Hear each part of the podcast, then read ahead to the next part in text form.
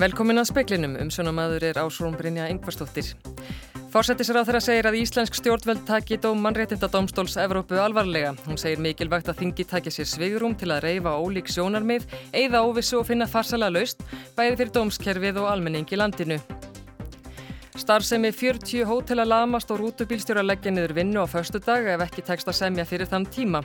Á sama tíma undirbúi eðinarmenn og starfskannarsambandið verkföll. Formaður félags hópferðaleifis hafa segir að bóðuð verkföll íti undir svarta starfsemi. Fórseti Mósambíkur óttast að yfir 1000 hafi farist þegar fellibiljur fór yfir miðhéruðu landsins í síðustu viku. Borgin Beira er í rúst eftir óveðrið. Stjórnarformaður Líðháskólans á Flateri fagnar nýju frumvarpu um Líðskóla. Með tilkomi þess verði hægt að gera langtíma rekstra samninga við skólan.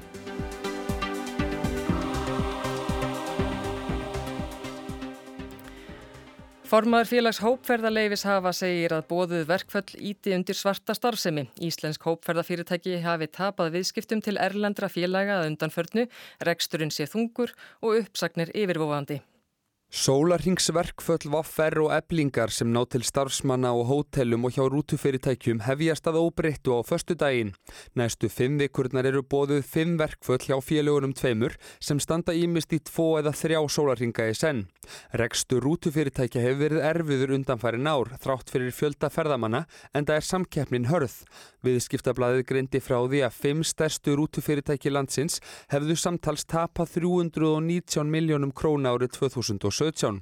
Haraldur Teitsson, formaður félags hópferðarleifis hafa, segir að staðan sé ekki góð. Kostnæður aukist og laun hafa hækkað og, og hérna, launaskrið. Þannig að það er svona aukandi hljómir í mönnum. Átök á vinnumarkaði og verkföll bæti grá ofan og svart. Haraldur segir að Erlend félög hafi hreðirað um sig hér á landi og nýti sér þessa stöðu í síöknu mæli. Eftir að tilkynnt varum verkfallsreinu, vaffer og eblingar hafi borið á afbókunum hjá nokkrum íslenskum félögum og ferðirnar ferðar yfir til Erlendra fyrirtækja. Þessi eilendi aðalega starfa hérna í umbóði semst bara sínu landi, borga enga skatt og engu gjöld á Íslandi og, og fá að starfa hér óreitt. Og þú telur þessar, þessi verkföll og þessar, þessi staða íti undir það? Allsálsög. Þetta verður bara til þess að, að styrkja þeirra stöðu og það, við, það er ekkert langt í að, að stóru félagum fara að þurfa að fara að segja mannskap uppar, segja upp starfsfólki. Sæði Haraldur Teitsson í samtali við Jón Þór Kristjánsson nánari fjallum kjaramólin síðar í speklinum. Hollandska lauruglan handtók síðdeis mannin sem talið er að hafi skotið þrjá til bana í, í sporvagni útrekt í Hollandi og sært fimm, þar af þrjá alvarlega. Frá þessu var greint fyrir stundu á fréttamannafundi með borgarstjórunum í útrekt, slökkviliði og lauruglu. Bróður mannsins var tekin höndum fyrir dag og færður til yfirherslu. Fjölmiðlar í Hollandi höfðu eftir nágrannum mannsins sem grunaður er um ílvirkið að hann hafi verið í ójabvægi upp á síðkastið, engum eftir að eiginkona hans skildi við hann. Þeim þótti hins vegar ólíklegt að hann væri hriðiverk verkamaður. Filipi Niusi, fórseti Mósambíkur, hvaðist óttast að yfir 1000 manns hafi látið lífi þegar fellibilurinn Idai fór yfir miðluta landsins í síðustu viku. Gríðarleg eðilegging blasir við eftir óveðrið, ekki síst í borginni Beira. Hjálpasveitir komust fyrst á hamfarasvæðið í gær. Alþjóðaráður Rauðakrossins og Rauða Hálfmánans í Afríku lísti því yfir eftir að hafa kannad aðstæður að nýju tíundu hlutar beira væru í rúst, hús, hrunin, ramasvirki fallin, símastörar brotnir og flest hverfi borgarinnar umflotin vatni. Filipi Njúsi fórseti fór í vettvangsferð í dag. Auk þess sem hann sagði að búastnætti við því að fellibiljurinn hefði orðið yfir þúsund manns að bana, ótaðist hann að yfir hundrað þúsund manns væri í lífshættu. Um 530.000 manns búa í beira. Talið er að ástandið í nágranna hér um borgarinnar sé jáfnvel ennþá verra. Hjálparsamtökin Mission Aviation Fellowship flugu einni yfir svæðið í dag. Myndir sem starfsmenn þeirra tóku sína fólk á húsþökum þar sem vatnina er upp í glugga hæð. Þrátt fyrir að fellibiljurinn sé farin yfir er enn hætta á ferðum á svæðinu vegna yfirfullra uppistöðulóna. Þá hafa ár flætt yfir bakka sína. Rúmlega 400 manns var bjargað í dag af flóðasvæðunum í Mósambík. Ásker Tómasson sagði frá. Rísastór loftsteinn sprakk yfir Beringsundi á milli Alaska og Rúslands fyrir þremur mánuðum. Orkan sem losnaði úr læðingi við sprenginguna var tífalt meiri en í kjarnorkusprenginni sem var sprengdi í Hiroshima í loka síðari heimstyrjaldar. Logandi loftsteinn sveif inn í guðukolvið og sprakk með miklum hvelli þann 18. desember. Þetta er upplugasta sprenging sem orðið hefur í háloftunum síðan annar loftsteinn flögin í Guðukolvið og sprakk yfir Tjeljabinsk í Suður Úslandi fyrir sex árum. Fjölmarkar upptökur eru til að því sjónarspili úr öryggismyndavélum, snjálfsímum og bílamyndavélum. Engin lést þá en 1200 mann særðust þegar hann sprakk og sjón margra sem fyldust með skattaðist en hann gaf frá sér 30 sinnum meiri byrtu en sólinn þegar hann skein sem skærast. Hins vegar er engin myndbandsupptaka til af loftsteininum sem sprakk yfir Beringsundi en það er það mestu úr alfara leið. Geimferðarstofnun bandaríkjana NASA fekk upplýsingar um sprenginguna frá bandaríska hernum en gerfi nettir hans námu innrauða blossa frá ljósnettinum. Talið er að viðlíka sprengingar í gufuhólfi jarðarinnar eigi sér einungi stað tvísvar til þrísvar á öld. Rannsóknir NASA hafa leitt í ljós að loftsteinnin kom inn í gufuhólfið á 116.000 km hraða á klukkustund og hann sprakk í tætlur í 25 km hæð yfir jörðinni. Jóhann Hlíðar Harðarsson tók pistilinn saman. Þessir vænstað innan nokkura ára geti samstarfsverkefni fjögur að stopnana gert Íslendingum kleift að skipulegja land, landnýtingu betur. Þá verður hægt að fylgjast með auðlendum og stýra nýtingu miðað við ástand þeirra. Grólind er samstarfsverkefni landsamtaka söðfjórbanda, landgræslunar, atvinnuvega og nýsköpunarraðuneytisins og bændasamtaka Íslands um að vakta og meta ástand, gróður og jarðvegsauðlinda landsins. Bryndis Martinsdóttir er verkefnastjóri en markmiðin með verkefninu eru tvö. Í fyrsta lagi að setja fótt vöktun og mat á gróður og jarðvegsauðlindum Íslands sem bara til að meta hvert er ástand þessara auðlinda og, og hvernig er það breytast og í öðru lagi að þróa sjálfbarni vísa fyrir, fyrir landnýtingu sem sagt hvenar eru að nýta þessar auðlindur á sjálfbarn haft og hvenar ekki. Landgræsla ríkisins hefur yfir umsjón með verkefninu en það er fjármagna til tíu ára í gegnum búverusamninga. Verkefni hóst árið 2017 og hafa fyrstu tvö árin farið í þróun og skiplagningu. Einni hefur verið unnið að kortlagningu beitilanda og atverðli söðfjár á afréttum kanna með staðsetningatækjum. Markmiðið er að fá heldar sín yfir hvaða landsvæði eru nýtt til búfjárbeitar. Þessa kortlagningu verður síðar hægt tengja við ástandsmat gróðlindar og mun þannig nýtast landnótendum, stjórnvöldum og öðrum við að skipilegja landnótkun og ná yfirsinn yfir ástand beitilanda. Í grunninn þá er þetta verkefni hugsa sem tæki til framtíðar og þar sem við getum verið að fylgjast með öðlindunum og stýst okkar nýtingu miða við ástand þeirra. Og það er náttúrulega okkar von að þetta verði bara tæki sem verði mikið notað í framtíðinni sagði Bryndís Martinsdóttir, Úla Árdal talaði við hana. Stjórnarformaður Líðháskólans á Flatiri fagnar nýju frumvarfi um Líðskóla. Með tilkomi þess verði hægt að gera langtíma uh, eh, rekstra samninga við skólan sem hefur hingað til reitt sig á styrki og sjálfaflað því. Líðháskólinn undirbýr nú annað starfsár sitt. Um 30 nefnundur hafa sótt námið í Líðháskólan á Flatiri í vettur og nú hefur skólinn auglist eftir nefnundum fyrir næsta starfsár. Runolfur Ágússon, stjórnarformaður Líðháskólans, segir að starfi vetur hafi tekist vonum framar og fyrirkomuleg námsins verði með svipuðu sniði. Það hefur reist mjög vel og er bara ánægja meðal nefnda og kennara og samfélsins hér á flatteri. Þá tekur nýr skólastjóri við, Yngibjörg Guðmundsdóttir, núverandi kennslustjóri háskólans í Reykjavík, en hún tekur við af Helinu Jónsdóttur sem tók að sér að íta skólanum úr vör. Fyrir helgi kom í samráðskátt stjórnvalda frumvart mentamálaráðara um líðskóla en þótt bæði líðháskólin á Flateri og lungarskólin á Seyðisfyrði starfundur merkjum líðháskóla er ekki fjallað um starfsemi þeirra í lögum. Ný lög eiga stuðla starfrækslu líðháskóla sem eiga þá að heita líðskólar, skilgarina hvaða kröfur þeir þurfa að uppfylla og tryggja þeim fjárhagslegan grundvöll. Hinga til hefur líðháskólin á Flateri sjálfur aflað fjár og styrkja. Skólinn fekk 30 miljónar krónar styrki haust frá fjárlega nefnd og mentamálaráðara sem tryggir starfsemina út árið. Frumvarti gerir það eins og mögulegt fyrir ráðunitið að gera langtíma rekstrafsamninga við líðháskólan og því fóknum við. Og ber fyrir umsagnir í samráðskáttinni til 21. mars. Halla Ólafsdóttir tók saman og rætti við Runolf Ágústsson. Katrín Jakobsdóttir fósættisráður að segja að Íslensk stjórnmöld taki dóm mannréttindadómstóls Evrópu alvarlega. Hún segir að veita þurfi svigrum til að reyfa ólík sjónarmið en mikilvægt væri að eigða óvissu og finna farsæla laust. Þetta var í fyrsta sinn sem alþingi kemur saman frá því að mannréttinda domstól Evrópu komst að þeirri niðurstöðu að skipan dómara við landsrétt hefði verið ólögumætt. Dómstólasíslan bókaði á förstu dag að áður en endanlega ákvörðun verði tekinum áfríun þurfi að kanna hvaða áhrif það kunni að hafa.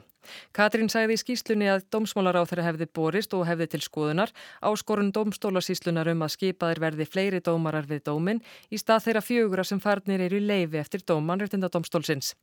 Katrín segir mikilvægt að þingið gefur sér sveirum til að reyfa ólík sjónarmið, eigða óvissu og finna farsala laust bæði fyrir dómskerfið og almenning í landinu.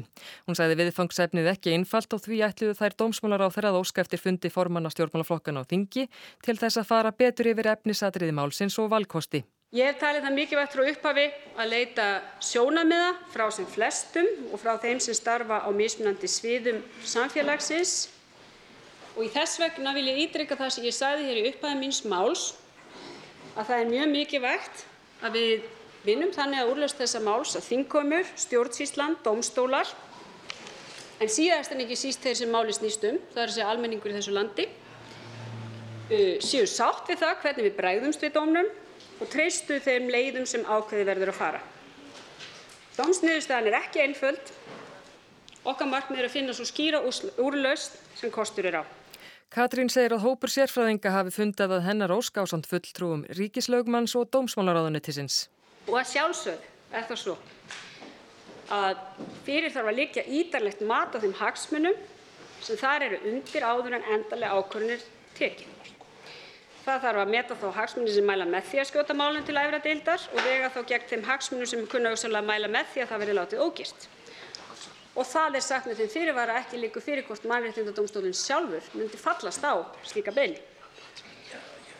Þeir sem uh, telja að ekki sé rétt að vísa málinu áfram telja að þá sé hægt að einbeita sér að því að leysa til frambúðar úr málum landsréttar í stað þess að bíða endanlegra niðurstöðu yfirdeildar.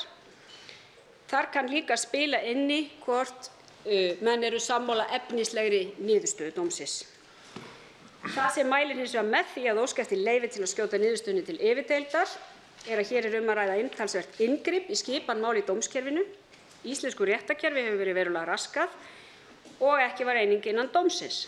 Katrín segir að líta verði til minni hluta álits mannréttinda dómstólsins fara þurfi yfir rökin begja vegna borðsins. Dómurinn sé fordæmalus og taka verði hann alvarlega en að veita verði svigurum til að reyfa sjónarmiðans, sjónarmiðin í minni hluta álitinu og hleypa ekki umræðunni í pólitíska skotgrafir.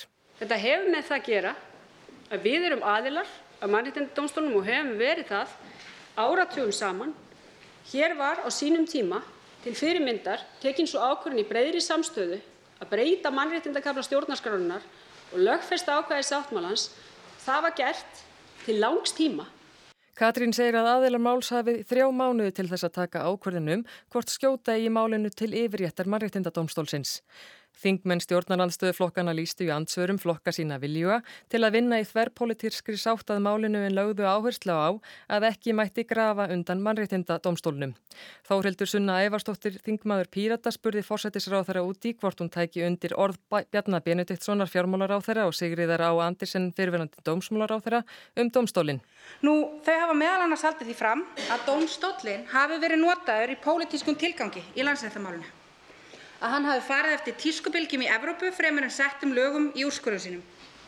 Nú eða að íslenskir dómstólar hafi framselt tólkunarvald sitt til dómstólsins og að mögulega feli dómurinn í sér yngripp í fullveldi Íslands. Ég spyr því hæstvirtan ráð þeirra, hver er afstæða hennar gagvart þessum ummælinn kollega sinna í ríkistjórn og mun hún beita sér ef útlitt verður fyrir að þessi viðhorf getur orðið ráðandi í utaríkistefnu Íslands? Eða finnst henni kannski, eins og mér fannst hún vera að gefa í skyn í ansvari hér áðan, að ummæli sem þessi feli í sér málefnalega gaggrinni á dómin? Ég líti ekki svo á að Mannréttindadómstóll Evrópu sé nýttur af einhverjum annarlegum öflum í pólitískum tilgangi. Annars myndi ég ekki hafa hafið mín að ræða því að segja hér við þurfum að taka þennan dóm alvarlega. Ef ég líti svo á að þetta væri einhver pólitískur hráskinnarleikur þá myndi ég ekki hafa hafið mín að ræða þannig og ég vona að hv. þingmönnum sé það algjörlega ljóst að þegar ég segi að við tökum þennan dóm alvarlega þá þýðir það að við tökum hann alvarlega og við værum ekki að gera það ef þetta væri okkar mat. Þórdís Kolbrún Reykjörð Gilvadóttir dómsmálar á þeirra segir að hún hafi þegar líst þeirri skoðun sinni að skjóta í málinu til yfirréttar. Hún hafi átt fundið með fulltrúum landsréttar og dómstólasíslunar og fleirum undanfarna daga. Allir virðist sammála um að lausnindna séu kvorki einfaldar nýja augljósar. Ég er þó alltaf einu vissum að með tímanum komist við nær ákveðnum skilningi og getum brugðist við þeirri stöðu sem er uppi af skynsemi. Í dag er því ekki ein augljós leið að fara með augljósum faraskjóta á augljósan áfangastað. Það væri enda óráð að hafa valis í leiðina og áfangastaðin strax. Það sem skiptir máli, mestu máli í ferðalæginu framöndan er að hafa valis í leiðaljós. Og mitt leiðaljós er að nálgast þetta verkefni af yfirvögun, heilstætt og í samráði til að tryggja virkni dómstólana, traust á dómskerfinu og réttaröryggi í landinu. Megin þungi í minni ákvarðanatöku framöndan mun lúta af því. Katrín sagði það ekki óvanalegt að málum væri skotið til yfirréttar mannreittindadómstólsins. Þannig að það er ekki eins og það sé stríðshanski sem varpaður upp ef svo leið er farið. Það sem kom hins vegar skýrt fram í mínu máli og máli hástýrst dómsmálar á þeirra er að slík ákvörðun er ekki tekin um að undangengnu vönduðu mati á því hvað það þýðir svo ákvörðun hvernig við getum þó tryggt að hún valdi ekki frekari óvissu hvað varðar þann almenning sem á sitt undir dómstólum. Það eru stóru leiðaljósin en auðvitað tel ég það vera ýmsar spurningar sem hafi vaknað við yfirferð á þessum dómi og sem lögfræðingar sem ég hef rætt við hafa bett mér á sem væri áhugavert að fá endanlega skorið úr í efri dildinni. Þarna þurfum við einfallega að meta það hvernig þessir hagsmunir fara saman og vanda okkur við það sagði Katrín Jakobsdóttir. Ef framferð sem horfir lamast rekstur 40 hótela á höfuborgarsvæðinu og rúturnar hættað akka eftir fjóra daga. Þetta gerist ef einstags verkfall eblingar og vaffer á förstu daginn verður að veruleika. Við þetta bætist að bæði starfskrænarsambandið og félög yðinaðarmanna fara strax á morgun að undirbúa verkfall. Útlitið er ekkert sérstaklega gott. Ljóstur að stóru hótelinni merja kannski einstags verkfall en verða liklega skelli lás þegar og ef tveggjadaga verkfall hefjast 28. mars og svo þrjár þryggjadaga vinnustöðanir. Þegar þessi verkvöldu voru bóðuð, lókuðu flest hótelin fyrir nýjar bókanir á hugsanlegum verkvælstögum en þau munu reyna að taka móti gestum á förstu daginn sem höfðu bóka fyrir þann tíma. Það gætir einst erfitt því það er ekki bara fengjerningar starfsfólk sem leggunuðu vinnu á förstu daginn kemur. Líka þeir sem starfa við uppvask, gestamóttöku og bókaldið við þetta bætist að rútubílstjórar fara í verkvall. Eins og búist var við sleiti starfsgrænarsambandi viðræðin við SA í morgun, viðræðin sem hafa staðið á fjörðu viku hjá Ríkisáttasemjara, búist er við að eina menni slíti á morgun. Framöndan er undirbúningur aðgerða. Það tekur einhver tíma þannig að verkvöld þessara hópa gætu hafist fljótlega í april ef ekki tekst að semja. SGS sleit viðraðunum þegar ljóst var að atvinnureikendur mættu ekki með nýjar tilur á sáttafundin í morgun. Við slítum þeim vegna þess að við vildum fá svona meira frá ESA í sérstaklega þessi vinnutímumálum og ímsum öðrum málum þannig að, að það vantar bara upp á til þess að, að við getum haldið þessu áfram. Segir Björn Snæbjörnsson, formadur starfskræðansambansins sem kallar vantilega aðgerra nefndir sambansins saman á morgun til að hefja vinnu við að skipulegja aðgerðir.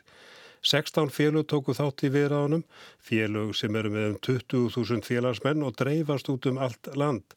Stæsta félagi Ebling er ekki með í þessu samflótti, ný heldur verkalýsfélagin á Akranesi og í Grindavík. Það sem steitir aðal á núna er ágreiningur um yfirvinnu álag hjá þeim sem er í hlutastarfi. En vorðað með stök að eigða svo löngu tíma hjá Sátasemiram í að ræða hugmyndir essa um vinnutíma breytingar. Ég tel að það hef ekki verið mistök að fara í þetta, ég tel að það hef verið bara mjög vegna þess að við höfum ekki bara verið að tala um vinnutíman, við höfum verið að tala um allt mögulegt sem var í okkur kröfugerð og þar erum við búin að ná mjög langt á mörgum sviðum. Þetta þýðir með öðrum orðum eða getur þýtt að aðilar er í raun komni langt með að gera kjærasamning. Það vantar hugsalega herslu munin. Haldur Benjamin Þorbergsson, frangandastjóri SA, segir að í viðræðunum undanfarið hafi mönnum teikist að þróa langleðina kjærasamningi eins og hann orðaða. Hann eh, segir ekkert óöðlegt að aðila sé ekki að ná saman á endunum, hlutur þurfi stundum að eiga sér aðdraganda og hann líti að viðræðuslítin í morgun sem hluta af þeim aðdraganda. Svo vinna sem búið er að vinna á þessum vettvangi, hún fer ekkert frá okkur og það er mjög auðvelt fyrir okkur ef að rétt tækifæri skapast til þess að nýta þessa vinnu með það fyrir marki að ná kjara samningi á næstu dögum eða vikum. Innamenn eru bóða til sáttasemir á morgun og væntalega verður eina verk þeirra að slíta viðræðum og hefja svo undirbúning aðgerða.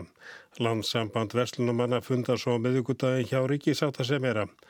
Fastlega er búist við að ebling, vaffer og verkalýsfélugin á Akranis og Grindavík verði bóðu til sáttasemeran á næstu dögum. Þau hafa alfarið hafna hugmyndum SA um vinnutímabreitingar Hinn félögin sem hafa ákveða að slíta hafa hins vegar setið og rætt um samninga á þeim nótum.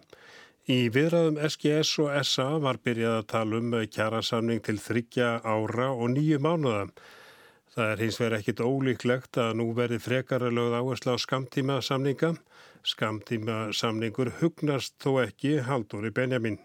Ég held að það sem að sé mest umvert núna er að ná að eigða þeirri óvissu sem að liggur eins og mara á samfélaginu og fyrir mér þá náum við ekki því markmiði í gegnum skamtíma samning. Það sé mikilvægt að við semjum hinn minsta til þryggja ára og ég allavega hef skilið yfirlýsingar ríkistjórnarinnar með þeim hætti að forsenda fyrir aðkomu stjórnvalda að kjærasamningunum á loka metrunum sé sjáðu einmitt þessi að það sé verið að semja til lengri tíma en eins árs. Hvað tímalengd varðar þá útiloka ég ekkert á þessum tímapunkti.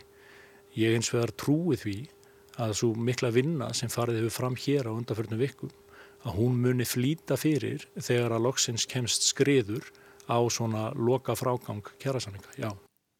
Þetta var Haldur Benjamin Þorbergsson, Arnar Páll Haugsson tók saman.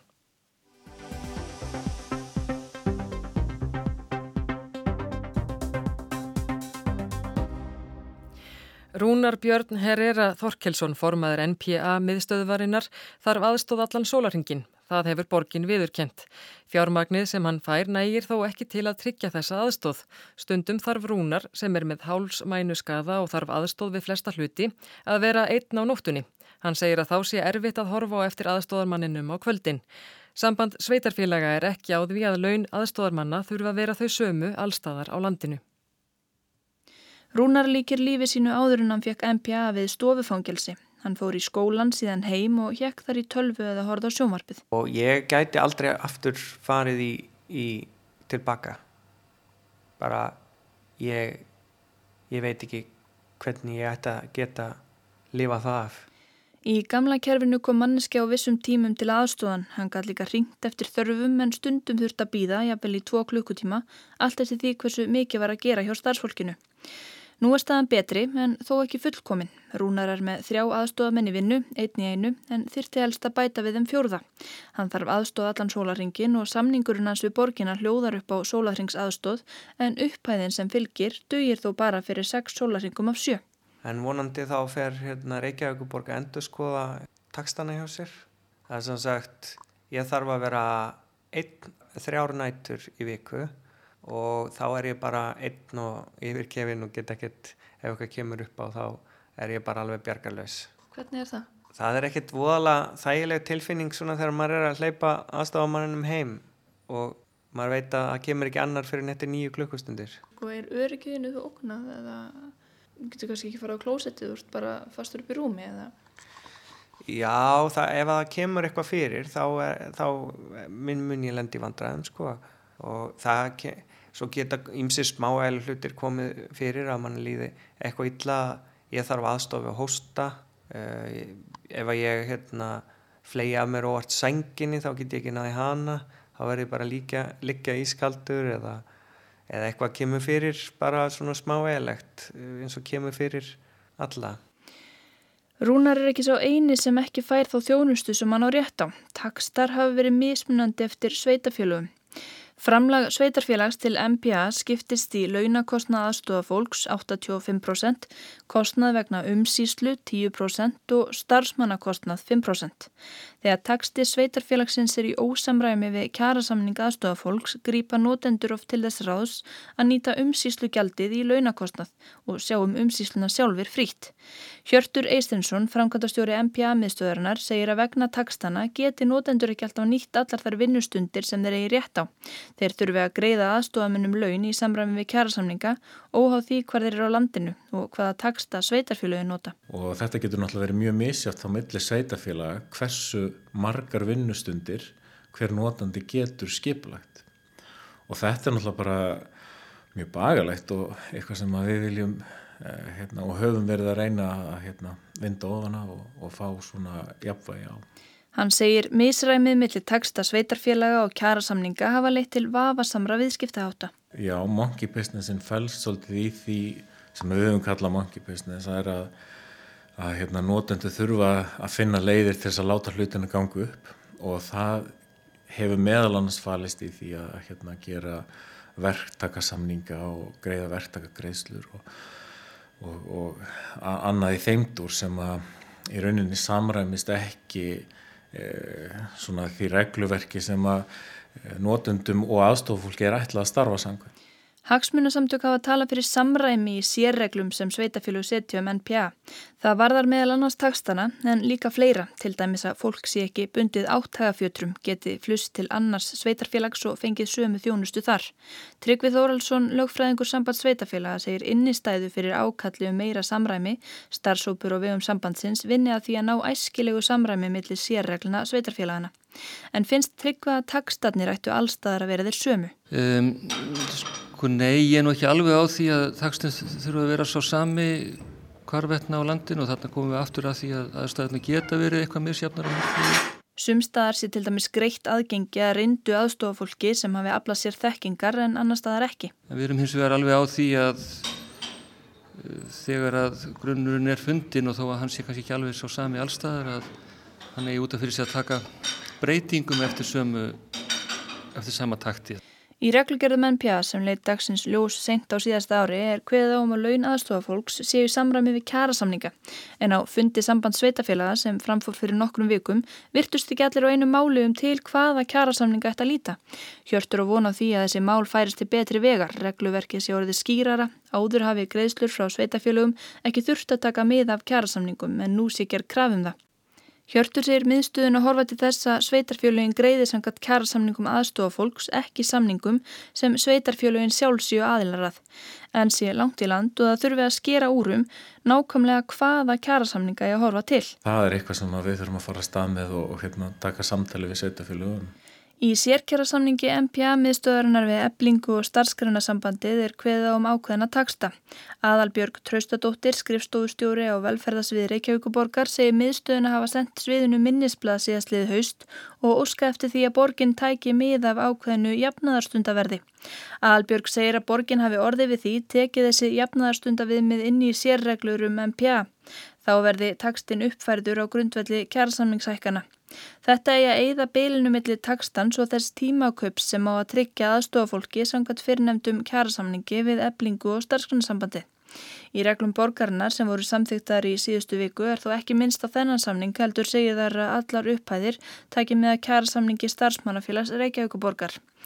Falla fólk með MPA ætti þó í ljósi orðaðalbergar að geta ákveðið hvort það vil fara sjálft með umsýslu eða felana umsýslu aðila á borði MPA miðstöðina að minnstakosti í Reykjavík og rúnar ætti ekki lengur að þurfa að vera einn á nóttunni.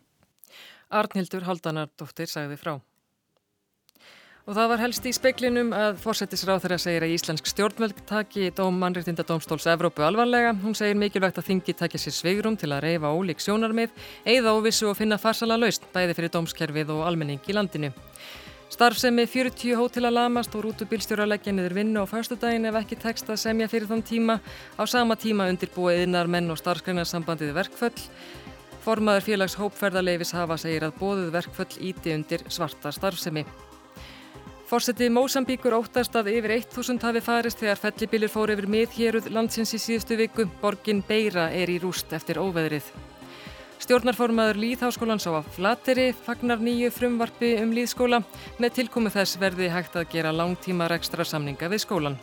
Og fleiri er ekki í speiklinum í kvöld. Tæknimaður var Davíð Berntsen, verði sæl.